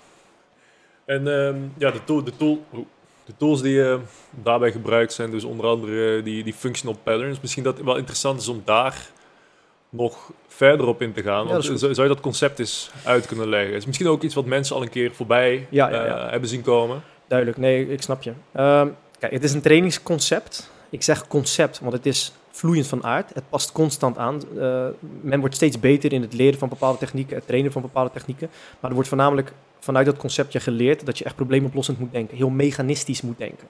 Dat is de aard van het concept. Dus eh, een boom valt niet zomaar om. Een boom valt om omdat heel veel krachten een rol spelen. Hè? Wat ik zei. Dus eh, de wortels spelen een rol aan welke kant van de weg die staat. Aan welke kant meer takken zitten. Zwaartekracht, wind. Al die factoren spelen een rol. Het is niet, oh hij valt om. Oké, dus er is een krachtenspel bezig die een x resultaat oplevert. Ehm Functional Patterns probeert gewoon die complexiteit van jou op zich te nemen en te kijken van kunnen we dat beïnvloeden. Dus een krachtenspel bijvoorbeeld in het lichaam zou kunnen zijn, hoe ga jij om met de zwaartekracht? En het krachtenspel in termen van welke rol spelen die en die botten en spieren daarbij, kunnen we dat zodanig verbeteren dat je beter omgaat met de zwaartekracht. Daar worden dus toe, of sorry, nog uitleggen wat functional patterns is. Dus wat we dus eigenlijk doen is kijken naar hoe topatleten bewegen en zo trainen we mensen. Hm. Oké, dus als die en die atleet die allemaal dit hetzelfde doen, als zij die knie strekken in deze positie in de lucht, op het moment van strekking zien we dat bekken iets doen, hè, wat jullie hebben gezien. Die ribbenkast doet iets, gewichtsverplaatsing doet iets en die eh, triceps en die biceps doen iets. Dat is dus blijkbaar hoe mensen bewegen, die complexiteit. Dat wil ik trainen, zoveel als dat ik kan. Zo werkt natuur. Ja, we hebben het waargenomen dat het gebeurt. Ik wil ons lijf, jullie lijf, zoveel mogelijk die prikkels geven wat kennelijk natuurlijk is. Dus als ik jou in een leg extension apparaat plaats, ja, dat gaat aanpassingen geven die voordelen kunnen hebben. Maar het is niet natuur, het is cultuur. Dus je, je Ford K is niet gemaakt voor de woestijn. Die is gemaakt voor de stad. Dus dan moet je hem niet behandelen als een, als een woestijnwagen. Ons lichaam is gemaakt voor natuurlijke context, rennend en staand. In de basis. Ja, we kunnen andere dingen.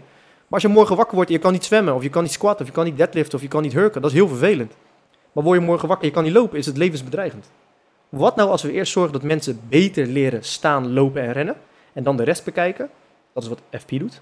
Daar creëer je dus eh, eh, pijnvrije lichamen mee. En dit is niet de end-all be-all. Heel veel dingen spelen natuurlijk een rol, maar dat is het meest onderschat onderdeel van gezondheid. Dat is FP in de kennis. En dan komen nog hele goede correctieve oefeningen bij kijken, waardoor je dus de resultaten ziet op internet die je ziet. Ehm, alleen de, de oefeningen die de meeste impact maken, die zie je niet op internet.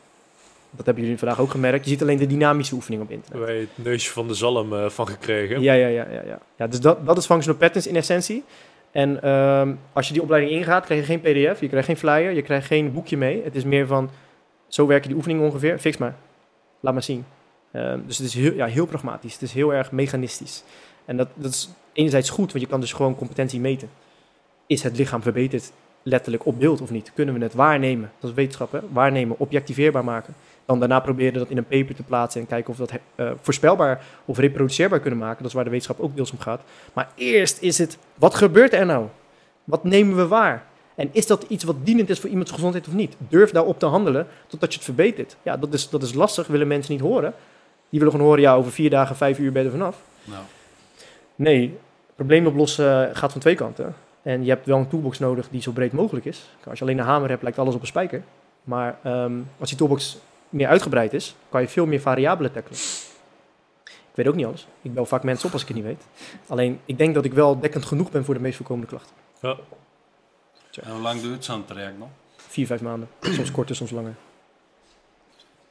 Nou, vier, vijf maanden vind ik nog steeds kort, want met bepaalde bewegingen zit het zo ingeprent. Het is soms te kort. Ja, Ja. Stel, je hebt eh 25 jaar lang lage rugpijn. ja. Ga ik dat in een paar weken even oplossen. Ehm, het is niet alleen dat het trainen vier, vijf maanden moet gebeuren. In die vier, vijf maanden moet iemand ook zijn schema anders indelen. Ja. Zijn dagritmes anders indelen. Beter slapen. Uh, blauwfilterbrillen, als we het over tools hebben, eh, gebruiken. Rood licht. eh, andere mensen op gaan zoeken. Mensen schrappen uit hun omgevingen. Ja. Nou ja, Dus gaat dat geef je echt als huiswerk mee. 100%. Ja, het is niet alleen trainen. Full package. Ja man, het moet toch. Het, kijk, helemaal samenge, samengeperst. Wat ik doe, is bioritme.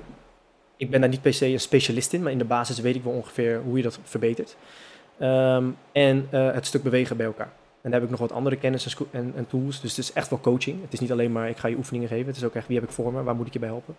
Maar ik heb gewoon een aantal telefoonnummers ook eh, die mij kunnen helpen als het eventjes niet gaat. Dus bioritme en bewegen. Ik zou echt altijd zeggen, bioritme is nummer één.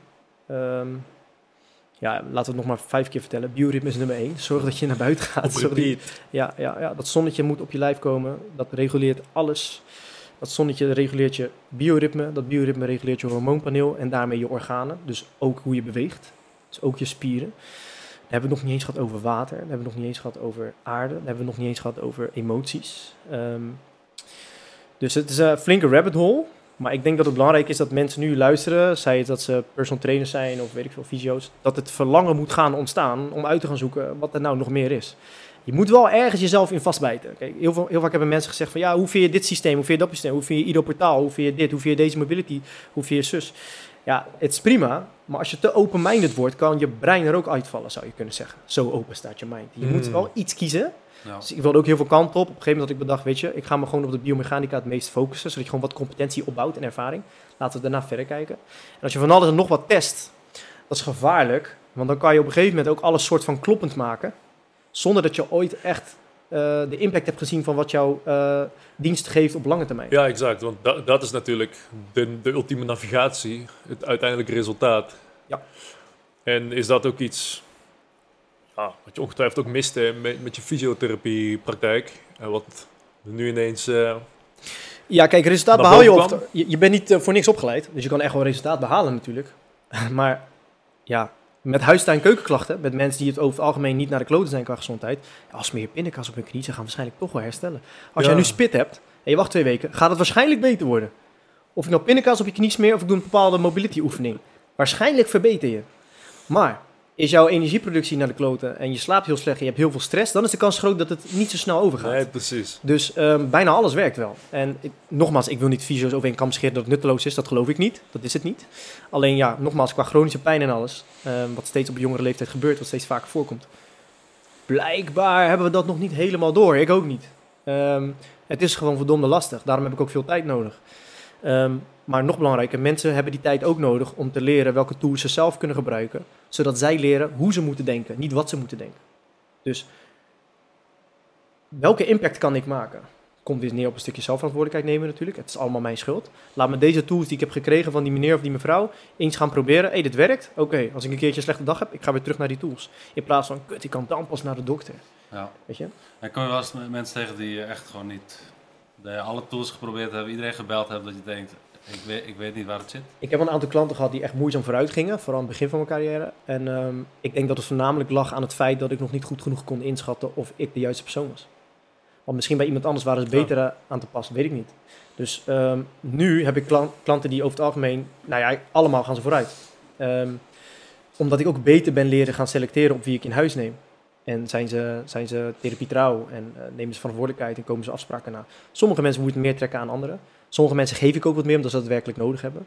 Maar kijk, er zit ook een soort gemoeds, hoe zeg je dat? Het geeft een soort rust als therapeut, denk ik, als je jezelf realiseert dat jij niet de eindbestemming hoeft te zijn voor die mensen. Je hebt wel alles te geven wat je hebt. Weet je, je het moet gewoon- gewoon zo zijn alsof je je geliefde zou helpen. Geef gewoon alles, wees 100% oprecht, doe je best. Ehm, maar jij hoeft niet het eindstation te zijn.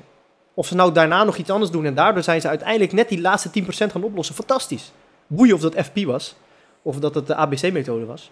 Ehm, maar ja, geef gewoon, doe gewoon je best. En ehm, eh, ja, bespreek goed met elkaar af dat het aan jullie allebei ligt, zeg maar. Het, is, eh, het is een reis die je samen maakt. Precies. Hey, wij eh, waren gisteren in de camper nog even aan het filosoferen over hoe dat dan met topsporters werkt. Want nou ja, jij geeft aan dat in jouw behandelmethode je gebruikt die topsporters eigenlijk als referentie. Eh, maar is het dan zo dat ja, veel topsporters, of eh, eh, ja, je zou zeggen dat alle topsporters ook gebruik willen maken van FP's, van functional patterns, maar volgens mij is dat lang niet Nee. altijd het geval. Nee, nee, cultuur. Dus Ja. als, ik, eh, als ik atletiek lui krijg en ik zeg tegen hun van oké, je moet deze rotaties maken, dan zeggen ze nee, alles moet voorwaarts gaan. Dus atletiek mensen die ik heb getraind hebben, die zeggen van ja, dit is wel averechts op wat ik geleerd heb. Want daar wordt vaak verteld, alles wat niet voorwaarts gaat, is energieverlies. Dus het moet zoveel mogelijk gestroomlijnd blijven, daarin zo. Maar als we naar die hele rits, ik heb jullie wat vier filmpjes laten zien, Ja. vijf. Ik heb er 500, hè. Dus eh, heel veel screen recordings gemaakt van wilde mensen, van heel veel topatleten in verschillende soorten sporten. Momentum creëer je als je in drie bewegingsvlakken beweegt. Dat is natuur. Cultuur die maakt er een eigen invulling van. Dus eh, heel veel hebben mensen daar dus een soort last van. Kijk, eh, met mijn collega's, wij delen heel veel atleten constant met elkaar, de hele tijd. En wat zie jij, wat zie jij, zus en zo. Sommige atleten die willen het niet aan geloven, want dat betekent dat heel je identiteit omvalt. Ja. Heb ik dan al die tijd deze kutzooi gedaan? Ja. Zeg maar, eh, wij hebben heel nauwlettend Daphne Schippers haar beweegpatronen onderzocht. We hebben heel veel screen recordings gemaakt van heel veel jaren terug. En zij, zij is best wel geblesseerd geraakt met de laatste, laatste eh, Olympische Spelen. Ik heb een DM gestuurd, dat heeft ze nooit gezien. Ik hoop dat ze een keertje luistert. Ik denk echt dat wij hebben gevonden waardoor zij die klachten opgebouwd heeft. Wij zien dat precies aan haar beweegpatroon, hoe dat veranderd is ten nadele van haar. Dat fix je met precisie. Niet met hip thrusters, deadlifts, jumping lunges, snatches, eh, cleans. Want dat, dat is, voor mijn gevoel, is dat toch ook pas iets van de laatste tientallen jaren of zo, dat eh, nou, in principe iedere atleet ook het krachthonk ingaat. Zeker. Zeker. En zie je dan ook veel meer blessures? Je hebt ja, ja, daar is research op- voor. Daar is research voor. Ja. Ja, dus eh, vooral in Amerika is dat echt wel, die waren nog iets, iets eerder dan de Nederlandse sport.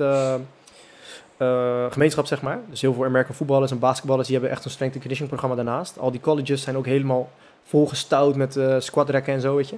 Dus dat is niet nutteloos per se. Alleen in je mist context. Want niet elke atleet is hetzelfde. Niet elke persoon heeft hetzelfde nodig. Als je scheef staat, maar je laat het met een barbel, kan het echt lange termijn problemen geven. En je slijt beweegpatronen erin die niet matchen met de realiteit waarin, zij horen te presteren.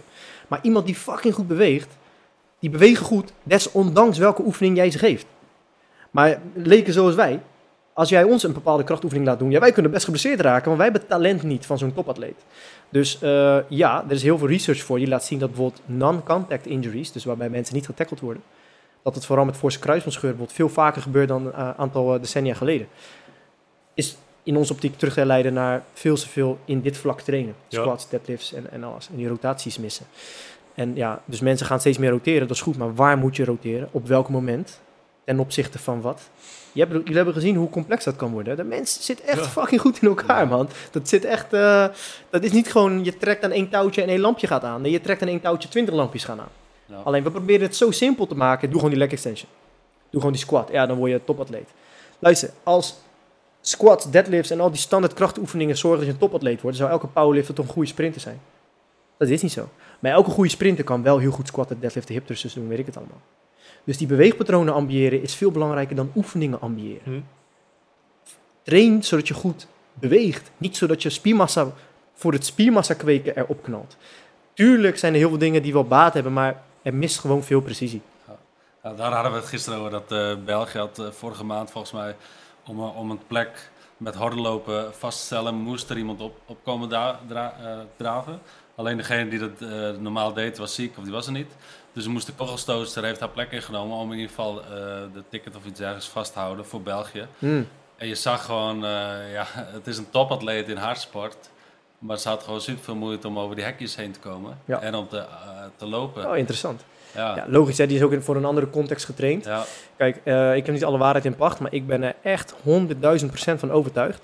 Dat als je ambieert en traint dat je heel goed sprinten kan, dat het doorcijpelt in andere beweegpatronen.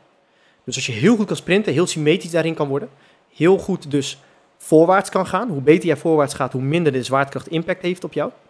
Eh, Ik heb tegen jullie gezegd, als je op je fiets zit, maar je peddelt niet, dan val je om. Maar als je een klein beetje trapt op je fiets, ga je niet omvallen. Dus hoe beter jij bent in driedimensionaal bewegen, des te beter jij bent in voorwaarts gaan. We hebben gezien Usain Bolt, hoe gewelddadig hij die rotaties maakt. En die andere atleten en die andere jongetjes ook. Zij hebben dus veel te bieden tegen de zwaartekracht. Ja. Daphne Schippers niet. Die heeft zwaartekracht plus, zeg maar, tot de macht huppelepup. Waardoor haar wervels en discussen, haar, haar schijven, fucking veel piekbelasting krijgen. Ja, dat, dat sloopt gewoon je carrière. Doodzonde, echt doodzonde. Dus eh, ja man, zoiets durf ik wel aan. Alsjeblieft Daphne, kom een keertje langs man.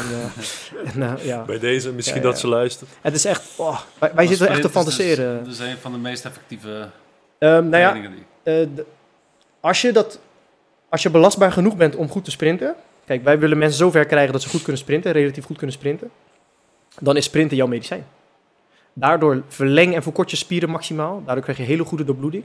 Daarmee beweeg je in alle drie de vlakken. Daarmee smeer je de olie dus goed rond. Daarmee krijg je een enorme groei in bepaalde hormonen, groeihormonen, testosteron. Ehm, je voelt je goed. Je hebt jezelf een boost gegeven om een prikkel te hebben waarmee je gezondheid onderhoudt. We weten allemaal dat we moeten sporten, want dan blijf je gezond van. Ja, maar wat is dan de kingpin van alle oefeningen die je zou kunnen doen? Dat is niet squatten hoor. Dat is driedimensionaal maximale output leveren door, door te sprinten of te knokken. Als je daadwerkelijk hard maximaal sprint of knokt, arriveer je vanzelf in ontspanning. Hmm. Ben je vanzelf tot rust gekomen. Ga maar een keertje vijf, vijf keer vijf minuten rollen met een paar van die beren die je net bij ons zag. Ja, je gaat ontspannen hoor. Dus dat hoef je niet. Kijk, stel je voor je lichaam beweegt slecht. Je zakt door je heup heen. En je doet ijsbaden. En je doet aanmalingstechnieken. En je doet eh, deze therapie. En je doet eh, deze tool. Kunnen allemaal helpen aan zich. Maar daarmee verander je niet hoe je beweegt. Dus als jij die verkleving blijft houden omdat je altijd door die heupen heen zakt, kan je al die tools doen om jezelf tijdelijk goed te voelen, maar die verkramping blijft zitten. Dat is ook een signaal naar je brein toe. Hè? Die zegt, ik ben verkrampt, ik ben dus niet ontspannen, blijf wakker, blijf relatief in stress. Ik kan nu niet overgeven. Ik kan niet ontspannen. Maar hoe gaan mensen daar vaak mee om met zo'n gevoel? Nog meer trainen. Ik kan niet stilzitten, man. Eh, ga weer door. Ik ga weer dit doen, ik ga weer dat doen. Omdat je lichaam niet ontspannen kan. Daar is FP ook voor. Zorgen dat jouw lichaam zo goed getraind is, dat die spierspanning in balans is, zou je kunnen zeggen. Waardoor je gewoon fucking niks kan doen. Gewoon kan zitten. En niet zoiets hebt van fuck, fuck. Altijd, eh, dat, is- dat is een soort anxiety is dat. Dat is gewoon een soort vluchtigheid, angstigheid om weg te bewegen van een soort geknaag wat je lijf je vertelt, omdat je lijf niet in balans is. Als dat de volg is. Ja, absoluut. Nou, ik merk zelf nou ook, we zitten hier nu anderhalf uur en eh, ik heb dat toch al, eh, begint toch Mhm. wel te zeuren hier en daar. Dus nou, dat is een duidelijk teken. Natuurlijk is lang zitten sowieso niet per se goed voor je natuurlijk. Alleen je hoort wel gewoon te kunnen zitten. Dat is een van de menselijke rustposities die je hebt. Zitten is niet het probleem. Het probleem is, je bent zodanig ongezond ge- geworden. Je kan niet wegkomen met zitten. Zo moet je het zien. Ja, Dus zoek niet in je stoel en in je staatbureau. Want als je nog steeds als een zak natte noedels staat, ja, kan je Ja. mooi achter de 500 euro staatbureau staan. Je flikkert nog steeds in elkaar. De zwaartekracht wint. werkt dat ook zo met slapen? Zeker weten. Want dat is natuurlijk ook iets waar mensen veel naar op zoek zijn. Ik heb daar zelf ook onderzoek naar gedaan. De, de ultieme slaappositie. Ja. Of eh, de ultieme hardheid of zachtheid van het matras. Ja. Maar ja, is het daar ook van toepassing? Eh, zeker, daar zijn ook... Ja, ja, ja, zeker. Want kijk, ehm, stel je hebt een heel zacht matras. Dit is wat ik vind. Ik ben hier geen professional in. Maar wat ik vind is, als iets heel zacht is, ben je dus ook heel lang in één houding ergens. Stel voor, ik, heb, ik zak helemaal door mijn matras en het is heel zacht. Dan ga ik ergens inzakken. Ehm, dus ik ga ergens heel lang in een positie blijven waar mijn lichaam een x-aanpassing op maakt. Ik ben persoonlijk een voorstander van een harde ondergrond. Ik heb heel lang op de grond geslapen, doe ik nog steeds. Als ik soms eh, vaak de grond? gewoon letterlijk gewoon mijn laminaat boven. Gewoon met een heel dun kussentje en, eh, ik lig dan gewoon op een, op een kleedje dat ik niet op de vloer lig. Stel, ik leg nu een waterballon op deze tafel. En ik duw die waterballon een beetje in. Wat gebeurt er met de vorm ervan? Die dijt uit. Hij zet uit. Je zou kunnen zeggen, hij decomprimeert. Hij wordt langer. Oké. Als ik dus op de vloer lig, het is hard, en de zwaartekracht die dreunt op mij heel de nacht, word ik dus, ik kan niet door die vloer heen. Dus ik word uit elkaar getrokken. Ik word een beetje langer gemaakt. Ik krijg decompressie van mijn gewrichten. Hmm. Als ik dus op een heel zacht matras zit, kan lekker voelen, maar dan word ik ergens heel de tijd inge- ingezakt. Minder handig. In mijn research, ik heb wat dingetjes gevonden. Hoe hoog is die research? research? Weet ik niet, het zal geen RCT zijn geweest. Ik kwam wat dingetjes tegen dat, ehm, volgens mij waren het Aboriginals, dacht ik. Of Papua's, ik weet het niet meer. Die zochten de hardste stenen op om op te slapen, want volgens hun hadden ze dan veel sneller meer diepe nachtrust. Ik heb dat een maand geprobeerd. De eerste twee nachten dacht ik, waar de fuck ben ik aan begonnen? Wat was de hardste steen die jij kon vinden? hier? Ja, mijn laminaat. Ehm, het werkt voor mij heel goed. Het werkt voor mij heel goed. En het is minder gezellig voor haar. Ehm, Hoe lang heb, heb je erover gedaan dan? Om het- een maand. een maand om, Een maand. om En comfortabel te Toen waren wij uit elkaar. En toen gingen we bij elkaar. Toen dacht ik, nou, misschien moet ik investeren. Dus kan ik beter niet op de grond slapen. Ehm, maar bijvoorbeeld, ik moet er relatief vaak nog uit s'nachts. En dan eh, die kleine, die eh, heeft me nodig of whatever. En dan kom ik terug en dan merk ik van, oké, nu ben- heb ik dat stukje gelopen. ben ik weer wakker. Hè, dat bioritme is eh, on- eh, ontregeld. Dan ga ik gewoon op de grond slapen. Ik ben dan heel snel weg. Kan een persoonlijke ervaring zijn. Dat is het ook. Koop een hardere topping en probeer het daar bijvoorbeeld eerst mee. Maar wel een kussen ook. ja, je, wil, je wilt wel dat je hersenvloeistof s'nachts ook een beetje uitcijpelen kan. Dat moet wel gerefreshed worden, dus je wilt er iets hoger zitten. Dus of je doet je, je, je bed met klossen bijvoorbeeld aan de hoofdzijdekant iets hoger. Dat je wel een beetje gekanteld bent, Mm. zeg maar. Het moet, het moet wel, dat moet wel gebeuren, je hoofd moet wel iets hoger Ja. zitten. Kan het met een slappe kussen nog dat je met je nek hele... hele Dat zou kunnen. Ik kan me ook voorstellen dat, ik ga ervan uit dat jij redelijk in balans bent, maar als je echt de grote afwijking hebt, Ja. ehm, ja, dat, dat, het, dat misschien minder goed uitpakt als je direct op een harde ondergrond gaat liggen. Of, Ja, kijk, dat is zo lastig te zeggen. Iedereen ervaart dat anders. Dan, dan moeten we dus eerst kijken naar de persoonlijke context. Er is geen end-all be-all. Nee. Mensen vragen me zo vaak in de DM, ja, welke slaapbehouding is goed, welke oefening is goed. Weet ik veel. Ik moet jou zien. Ik moet jou ho- aanhoren. Ik wil kijken hoe je staat, hoe je beweegt. Ik wil weten hoe je voor de rest nog... Dat slapen is belangrijk, maar dat, dat bioritme fixen is nog belangrijker. Er is gewoon een hiërarchie in dingen die je eerst goed moet doen. Maar mensen willen dingen eerst aanpakken die, die tastbaar zijn. Daar je wat mee kan. Daarom focust iedereen zich op voeding. Daarom focust iedereen zich op dingen die je kan pakken. Maar je weet, kwantumbiologie zijn heel veel dingen die je niet ziet. Dus ehm, ik wil daar eigenlijk nooit antwoord op geven. Want dan ga je mensen een halve waarheid vertellen. Ja. Misschien is bij hun wel één groot gapend gat omdat hun darmen lekken. Waardoor ze constant in stress zijn en niet goed kunnen overgeven aan slaap. Misschien voelen ze zich constant onveilig, waardoor ze niet echt kunnen overgeven. En, en niet kunnen slapen. Misschien zien ze nooit de ochtendzon en altijd blauw licht in hun bek. Waardoor, ja, snap je? Context, context, context. Ehm, ga het gewoon uitzoeken, man. Ja. Ga het gewoon testen. En eh, boeien wat wij hier zeggen. Je moet gewoon zorgen dat je een mens zo goed helpt... dat ze op een gegeven moment na een jaar zeggen... hé, hey, luister dan, dat je, wat je me toen gaf, dat hielp zo goed... Maar dit was echt bullshit, man. Ik heb dit gevonden, het werkt fantastisch. Oké, Ja. fantastisch, maar goed. Ja. Snap je? Ja, ja, duidelijk. Maar in de basis ben je mens. Je hebt je te houden aan wetten van de natuur, niet cultuur. Moeder natuur dus. Ja, dat is bioritme. Eerst bioritme. Nogmaals. Ja, epigenetica. Ik weet wat de titel van deze podcast wordt. Ja, ja, ja. Nee, nee, goed, eh, we zouden nog wel een tijdje door kunnen praten, volgens mij. Maar de plicht eh, roept aan beide, Ja. beide kanten. Zeker. Dus eh, ik stel voor dat we naar de afronding gaan. Enorm bedankt voor nou, alles wat je ons eh, in deze podcast hebt verteld. Misschien dat we een keer een 2.0 moeten organiseren. Maar ja, ik denk dat je echt een super interessante introductie hebt gegeven in ja, de, de problemen die zich enerzijds voordoen eh, in, ons, in ons beweegpatroon, maar ook ja, hoe, hoe jij dat aanpakt in jouw praktijk. En uh, aan van functional patterns, uh, natuurlijke bewegen, wat de, wat de uitdagingen daarin zijn. Um, nog veel meer over te vertellen, nogmaals, maar het was een mooi begin. Um, waar kunnen mensen meer over jou vinden en over alles wat jij te vertellen hebt? Dat is de, de makkelijkste manier. Instagram is denk ik de makkelijkste, movement.nl. Hetzelfde geldt voor de website. Um, ik werk momenteel nog in Spijkenis en Voorburgregio. Het gaat zometeen veranderen naar Utrecht regio. Um, dus de mensen die nu in de omgeving Spijkenissen zitten, pak je kans nog, zou ik zeggen. Um, maar dus ja, daar ben ik het meest actief. En uh, jullie ook heel erg bedankt voor de kans natuurlijk dat ik hier mag spreken en uh, mijn waarheid mag delen. Ook al schijnt het misschien geen waarheid te zijn, ik geloof niks van wat ik heb gezegd. Maar um, het is denk ik toch wel belangrijk dat we hier zo uh, wat zaadjes planten die ergens toch wel misschien tegen de waarheid aan liggen, wellicht. Um, vooral het bioritme verhaal. Ja. Um, ja, leuk man jongens. Uh, ja. Mooi. Ja. Mooi einde. Zeker. Uh, nogmaals, enorm bedankt. Uh, wellicht dus tot een, tot, tot een 2.0. en de luisteraar en de kijker ook enorm bedankt voor het luisteren en kijken. Jullie mogen nu van de outro gaan genieten. En tot de volgende aflevering. Dat was het voor vandaag top dat je bent blijven hangen tot het einde. En wat heeft Gene een gave verhalen op ons afgevuurd. Uh, ik kan me zomaar voorstellen dat je veel nieuwe dingen hebt gehoord en dat je perspectief op beweging en trainen een paar slagen gedraaid is. We gaan kijken of we een 2.0 kunnen opnemen. Uh, want er was niet genoeg tijd om alle zijsporen te bewandelen die bij Jon en mij opkwamen. Maar dat is voor de toekomst. Voor nu wil ik je vragen of je wat aan de topics gehad hebt die we besproken hebben. En als het zo is en je wil ons helpen om dit geluid te verspreiden, deel de podcast dan even met je vrienden, je familie en je kennissen. Of geef ons een beoordeling op Spotify. Heb je op YouTube geluisterd of gekeken? Geef ons dan een like en subscribe op ons kanaal zodat je op de hoogte blijft van wanneer we weer nieuwe video's publiceren. Voor nu wil ik je nogmaals enorm bedanken voor het kijken en luisteren en hopelijk zien we je de volgende aflevering.